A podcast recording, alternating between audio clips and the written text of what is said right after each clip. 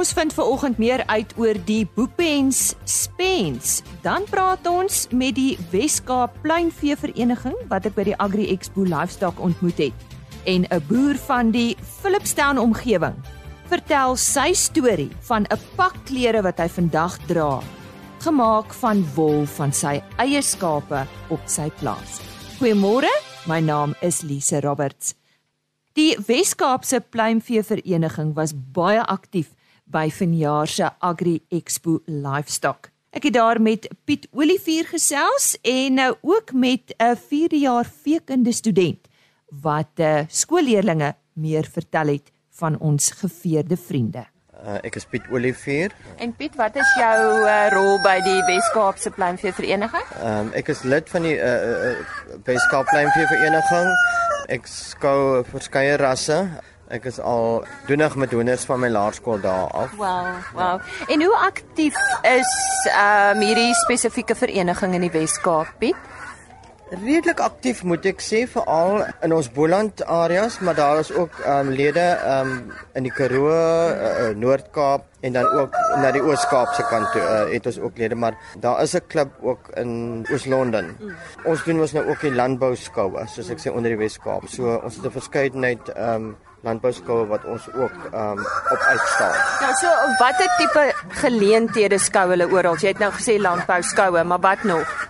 Goed, SASPO is nou die uh, uh, Suid-Afrikaanse skou pluimvee organisasie en ons val almal onder SASPO en SASPO het nou sy verskillende streke in die land. So elke streek hou 'n uh, klipskou. Ehm um, dit is gewoonlik Junie maand, middel Junie en dan is die SA kampioenskappe uh of die nasionale kampioenskappe vind dan in Julie plaas. Dit was vir jaar in Bultfontein in die Vrystaat en dit gaan nog vir 2 jaar weer daar wees aangesien die uh fasiliteite uh baie geskik is. Uh, en hoe en is natuurlik baie weer sentraal in die land vir, vir almal om by uit te kan kom. En hoe vaar die Wes-Kaap tydens hierdie skoue? Goed. baie goed. Ja, nee, die Wes-Kaap ehm um, vir die afgelope klompie jare al is is is Wes-Kaap ehm um, die wenners veral van die uh, um sagte vee rasse uh, is ons beslis die ehm uh, die voorlopers. Ehm um, ek self het vir jaar ehm um, die beste kalkoen uh, by SA's gehad en ek, ons het ook van water van die watervoors was ook van uh, ons ehm um, teelers uit die Weskaap wat die beste was uh, by SA's. Nee, ons doen baie goed. Nou wat val alles onder pluimvee want jy het nou van 'n kalkoen ook gepraat. So verduidelik bietjie vir ons luisteraars. Goed, ehm um, onder die pluimvee ehm um, assosiasie ehm um, of organisasie skou pluimvee uh is is ons net ingedeel in verskillende hoenderrasse wat bantam sowel as groot rasse insluit, sagte veer sowel as harde veer. Nou harde veer uh is gewoonlik jou jou veghoender tipe uh, of game uh, chicken soos hulle in Engels bekend staan. Ehm um, en dan jou ander rasse ehm um, uh, is dan jou sagte veerrasse. En dan het jy ook nou jou watervoëls waaronder val gaanse eende makoue. Uh en dan jou ander uh, laaste pluimveeras is dan natuurlik jou uh um kalkoene. Duwe uh, het altyd geval um saam met die uh, pluimveeskoue, maar uh, in die laaste klompie jare uh, doen die duwe hulle eie uh, skoue. Wat is die grootste bedreiging op hierdie stadium in Suid-Afrika vir ons geveerde vriende? Ek sou sê die die grootste bedreiging is maar ehm um, die voëlgriep wat so nou en dan ehm um, kop uitsteek.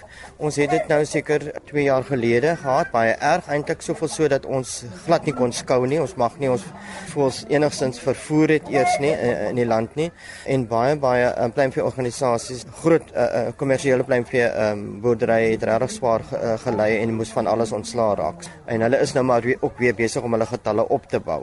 Daar's altyd 'n groot aanvraag vir vir pluimvee. Uh, dit is vir my verbasend uh, en en is goed om te hoor hoeveel mense in stede ook nog altyd uh, graag 'n hoendertjie of twee wil aanhou in hulle agterplaas. Al is dit nou net vir vars eiers.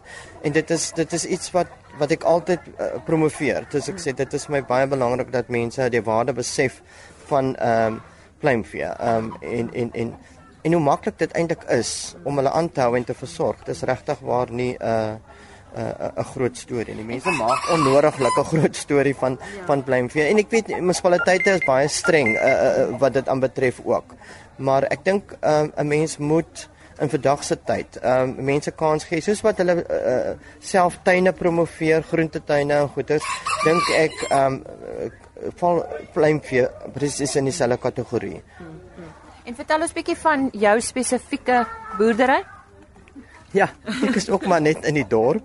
Ehm um, en ja, ek probeer maar altyd baie akkommoderend wees uh, teenoor my bure en goeters. Ehm um, my hane, die bietjie wat ek het, uh, slaap elke aand uh, in hulle boks agter in my bakkie in my motorhuis. So ehm um, ja, so min as moontlik steurnis ehm um, om vroegoggend uh, kraaie te veroorsaak. Maar ehm um, ja, daar's baie mense wat wat sê dis vir hulle absoluut heerlik om 'n haan te hoor kraai ehm um, en dit voel vir hulle hulle is op 'n plaas. So maar ja, almal is nou nie dieselfde uh, gevoel daaroor nie. Toe die eerste Suid-Afrikaners in hierdie land aangekom het, was dit hoenders wat hulle saam met hulle gevat het. Ehm um, waar ook hulle gegaan het, het hulle hulle hoenders gevat. Mense het selfs uh, nog so 'n klompie jare gelede as hulle gaan vakansie hou het, het hulle hulle hoenders saamgevat ja, ja, sodat daar eiers eiers vir hulle was om te gebruik. So ehm um, ja, ek ek ek dink mense raak baie gemaksigtig uh, met alles wat jy so maklik gou in 'n winkel kan gaan koop, maar as jy daarom jouself jou eie eiertjies kan produseer en jy kan sê Joh, maar dit smaak regtig lekker want ek kom... weet wat my hoenders geëet het. So ehm um, ja. Ja, ek wil eintlik nogal daaroor praat. Daar's so baie om oor te praat as mense oor hoenders praat. En eh, dis ook nou nie jy kan nie vir hulle enigiets gee om te eet nie. Praat so 'n bietjie oor die voeding. Ja, uh, die voeding is natuurlik baie belangrik as dit kom by by pluimvee. Ehm um, hierdie is nou uh, wat ons nou vandag hier so sien is is meestal skoupluimvee. So met ander woorde, hulle moet regtig goeie kos kry sodat hulle kondisie goed is. Hulle vee is hulle vere in baie goeie kondisie is. Ehm um, hulle moet die regte gewig hê ook. Ehm um, so dit beteken goeie voeding. Nou daar is baie goeie voeding beskikbaar ehm um, by jou koöperasies ehm um, by jou uh verskillende troetelwinkels en goeders. Maar um, 'n mens moet 'n bietjie navorsing gaan doen ook en bietjie kyk wat werk vir jou honders. Um party van die voere is nie altyd so ges, uh, geskik vir skouhonders nie, maar ek dink 'n hoender is uh, is is net soos ons is 'n omnivoor, so hulle hulle eet um 'n wye verskeidenheid van goggaatjies, wurms, regdeur na groenigheid toe is hulle baie baie lief vir. Ehm um, en dan natuurlik soos ek sê graankosse sal sal uh, is mos nou maar ook hulle stapelvoedsel. 'n Goeie gebalanseerde uh uh um pluimvee kos het sy dit in meelvorm of in pulvorm is is is, is eintlik uh, die geskikste. 'n Mens kan allerlei uh, ekstra goedjies bygee ook. Soos ek hou daarvan om 'n bietjie um lensies in uh, te laat ontkiem en dan gee ek dit so vir 'n ekstra treat vir hulle in die laatmiddag. Ehm um, maar as jou hoenders kan buite loop, sal hulle die gesondste hoenders wees wat daar is, want hulle kan absoluut eet wat hulle wil eet. En by jou groot hoenders, 'n heel mielie, se voedingswaarde is baie beter as 'n gebreekte mieliesin. Omdat die die die kiem van die mielie ehm um, is nog heel. So met ander woorde, al daai voedingswaarde wat binne in daai uh, uh, kiem is, dit kry die hoender in.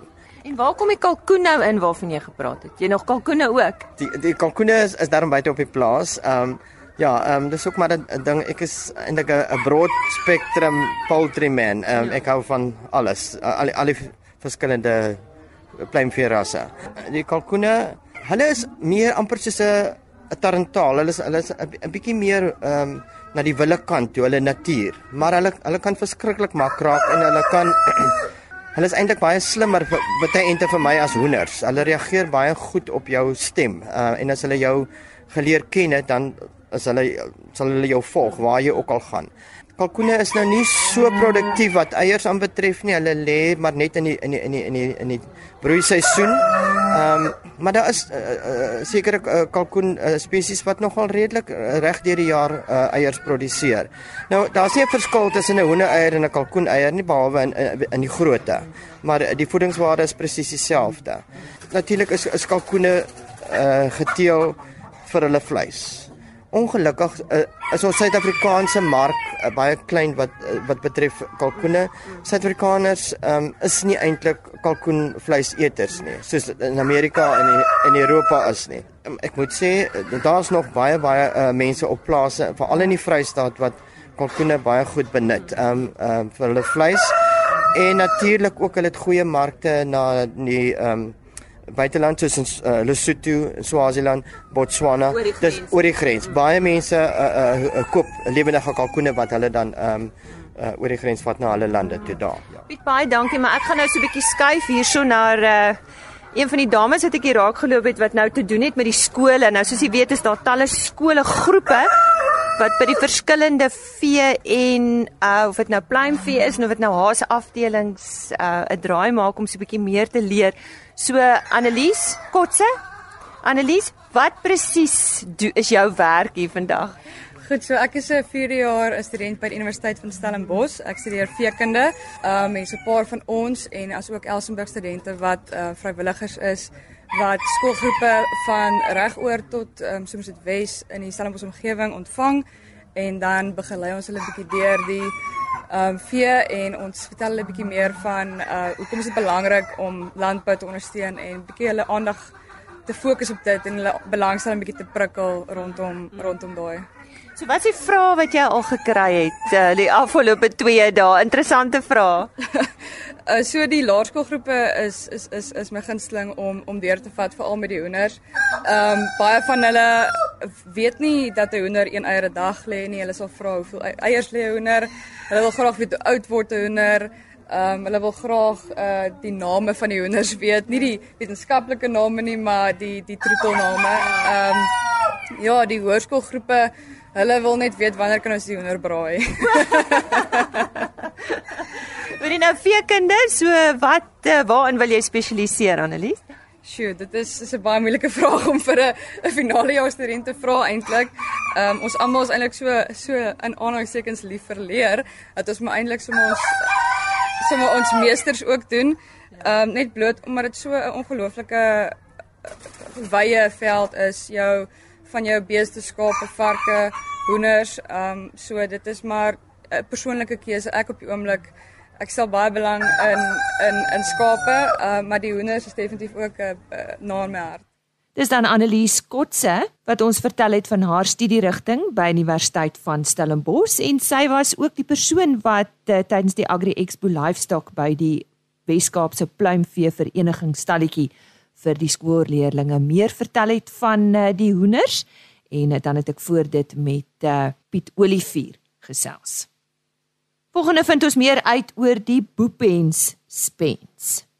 Nou sê ek by die Boepens spens. Dis nou nog 'n unieke naam. Nou nommer 1 is waar kom hierdie lieflike naam vandaan?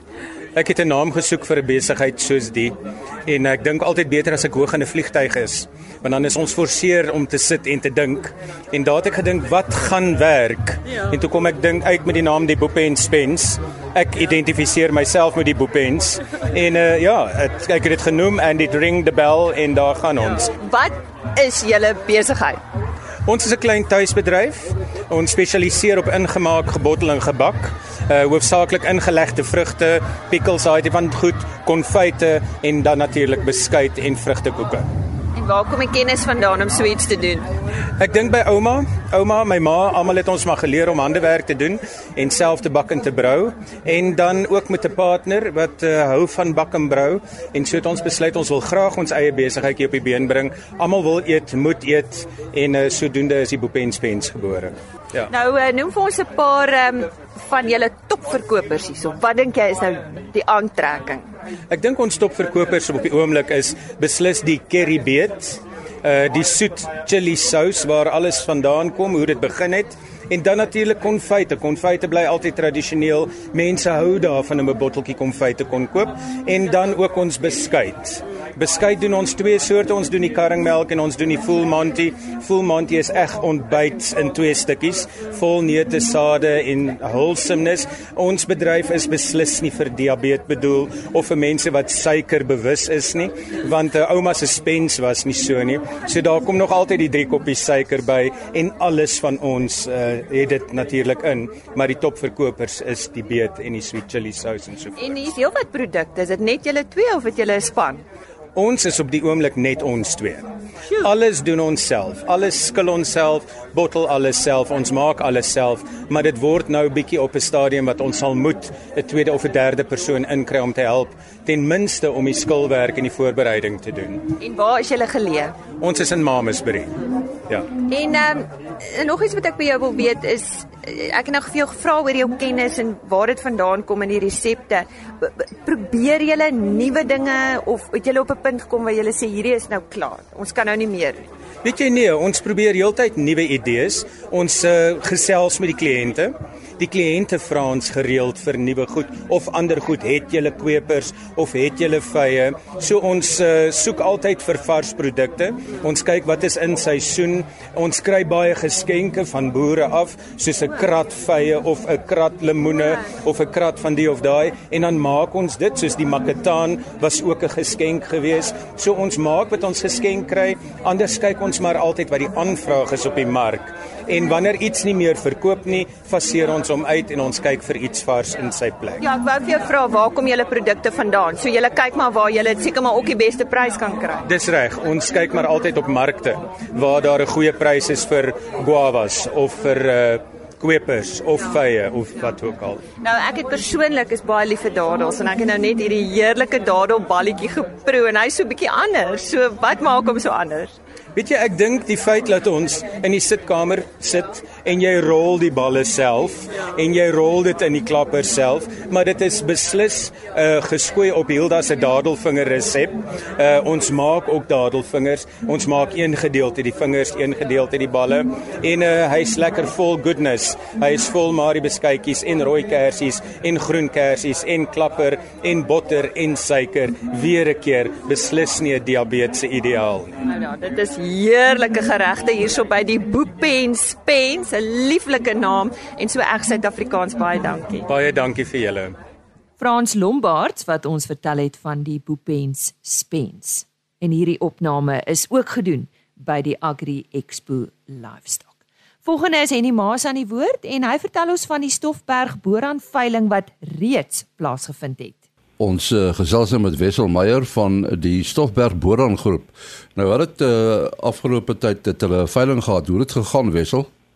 Ehm um, dit het baie goed gegaan. Jy weet, dit is die eerste veiling wat ons daar aangebied het en ons is 'n uh, groep teelers wat sewe teelers wat besluit het ons moet 'n nuwe uh, area begine bedien.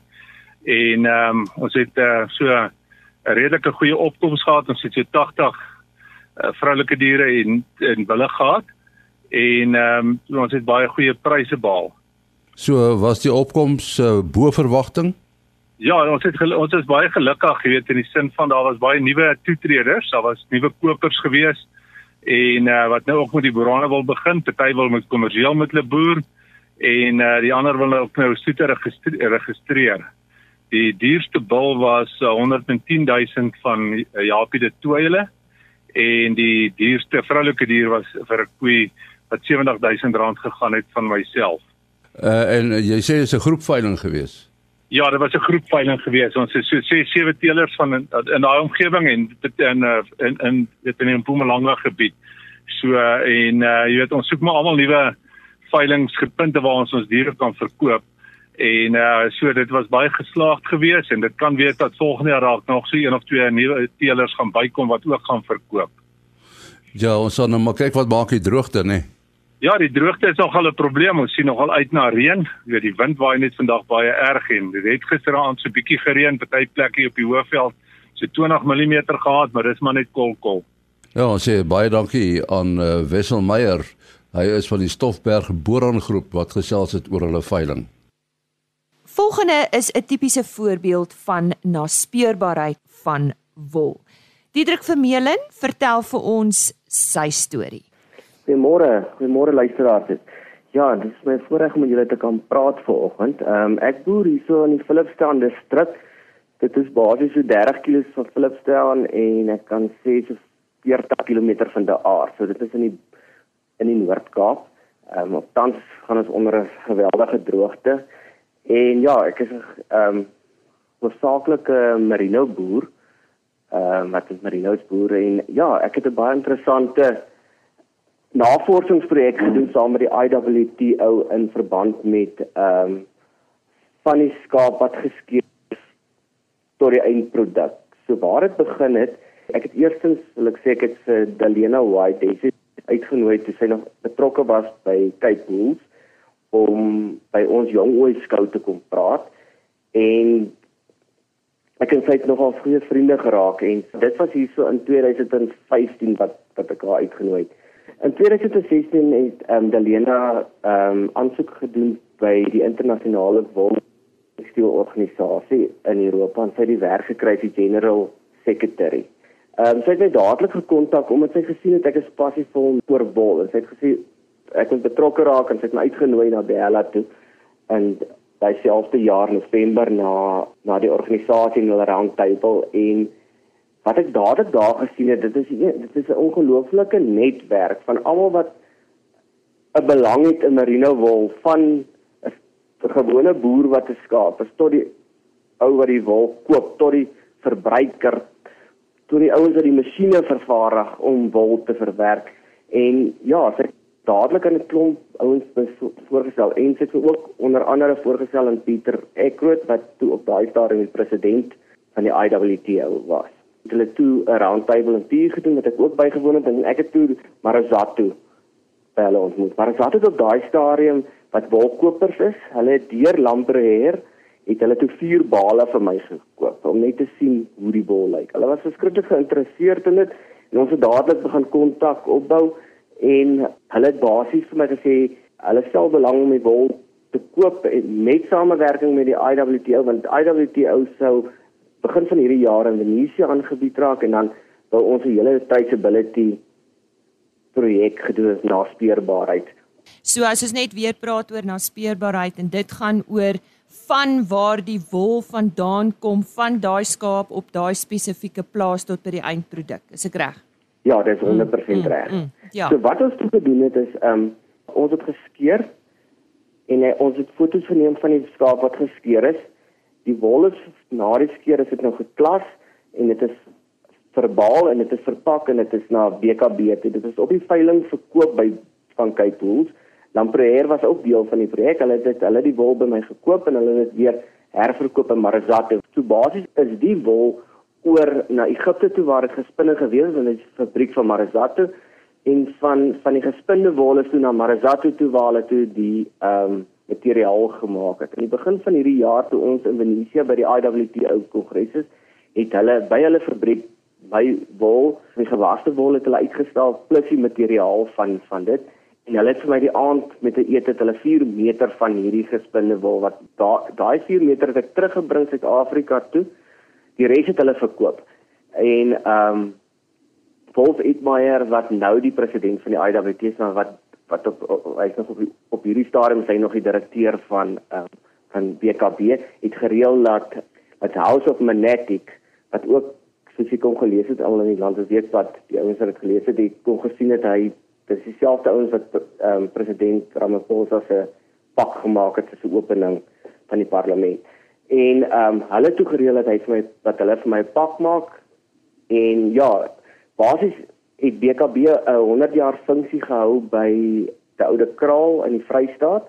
Ehm um, ek hier ook die plaas daarso het hulle ehm um, het hulle die materiaal die rou of net die materiaal gewys en by BKB se funksie nou het ehm um, 'n PE het was die pak klaar gemaak en alles en ek het hom hier heel eerste keer aangetrek ehm um, by hulle funksie met wow. Lonnerste. Nou ja, dis fantasties. En wat wat baie interessant is, Pieter Ekroot gesê op sy onderhoud in by Oude Kraal want hy was een van die gassprekers het gesê was of die IWT wat hy as presidentskap gehad het, dat hy nog nooit ehm um, hoe kan ek sê, dit is net by twee ouens betrokke wat so heeltemal 'n naspeurbaarheid wat hulle al by was en een boer was in Australië en een boer was nou ek wat hulle dit nou mee gedoen het. So ja, dit is 'n baie interessante storie. Ja. Maar wat ek ook wil sê is net dit is skrikkelik belangrik vir jong boere om betrokke te raak by by sulke organisasies, by internasionale organisasies. Want die groot ding is net soos byvoorbeeld die IWT het 'n werkswinkel wat hulle aanbied vir jong opkomende of jong boere, of young professionals soos wat hulle sê. Wat baie lekker is van daai ouens, hulle kom in werkswinkels saam. So Dis die volgende ou wie se seun miskien 'n wolkoper is of is die volgende ou wie se se seun miskien uh 'n vervaardiger van iets so jy's dadelik op daai grondvlak met daai ouens in verbinding en jy leer ongelooflik. So ek sal ek sal definitief sê vir ons as boere is dit baie belangrik om by sulke goed betrokke te raak. En dan is dit ook vir ons as ouer boere goed baie belangrik om betrokke te raak by by sulke organisasies want jy bou ongelooflike netwerk van kontak op en, en jy kan sien want baie keer is ons as boer is is, is in so gemaklikheidsgerief dat jy net jou wol verkoop en as hy wol van jou plaas af ry dan weet jy niks verder wat, wat en waar jy eintlik is. En ek dink veral in die toekoms wat ons lewe en hoekom mense so graag wil um belangrik is in naspeurbaarheid van wol want die mense wat op die ou end in 'n in 'n winkel jou wol koop of jou produk koop sal graag 'n storie wil weet van waar af die wol kom want dit mense raak verskriklik groen in vandag en dis hoekom al hierdie organisasies werklike goed wat jy moet aanbehoort nou soos RWS om om ehm um, hoe jy wil hanteer word hoe jou skaap hanteer word watse produkte jy gebruik so ja dit ek sal sê dit is baie belangrik om by by by by sulke goeders betrokke te. Nou ja, dis die storie van Diedrik Vermeulen van Philip Stout. Jy sal onthou dat ons sel gereeld met hom op RC Landbou gesels het vir alles wat kom by die jong ooi klub wat so aktief is. En hy het ons vertel van uh die waardeketting na speurbaarheid dat uh sy wol op sy plaas op die ou end vervaardig is as 'n eie pak klere wat hy vandag nog kan dra. Ons sê vir hom baie dankie. Dankie Diedrik. Ja, baie dankie. En ek bedoel as jy enige as jy enige navrae het, kan jy my enige tyd skakel of e-mail. Ek, ek dink jy kan my nommer swaar bekend of Ja, ja, okay. Goed, gee hom sommer vir ons jou telefoonnommer. My ehm um, selfoon is 082 481 6985. Ja. Of hulle kan my e-mail by odysfarming@gmail.com. O D Y S farming@gmail.com. Ja, so sê Diedrik Vermeulen. Sluit gerus môreoggend weer by ons aan vir nog 'n aflewering van RSG Landbou Vrydag aand 25 Oktober is die Syngenta Graan SA graanprodusent van die jaar aangewys. Jy sal onthou dat ek eh, vroeër in die maand met die twee finaliste reeds gesels het, maar uh, ons herhaal môreoggend weer 'n gedeelte van die onderhoud en uh, sodoende stel ons u voor aan uh, vanjaar se wenner. Goeiedag verder en dan gesels ons weer môreoggend. Totsiens. RSG Landbou is 'n produksie van Plaas Media. Produksieregisseur Henny Maas.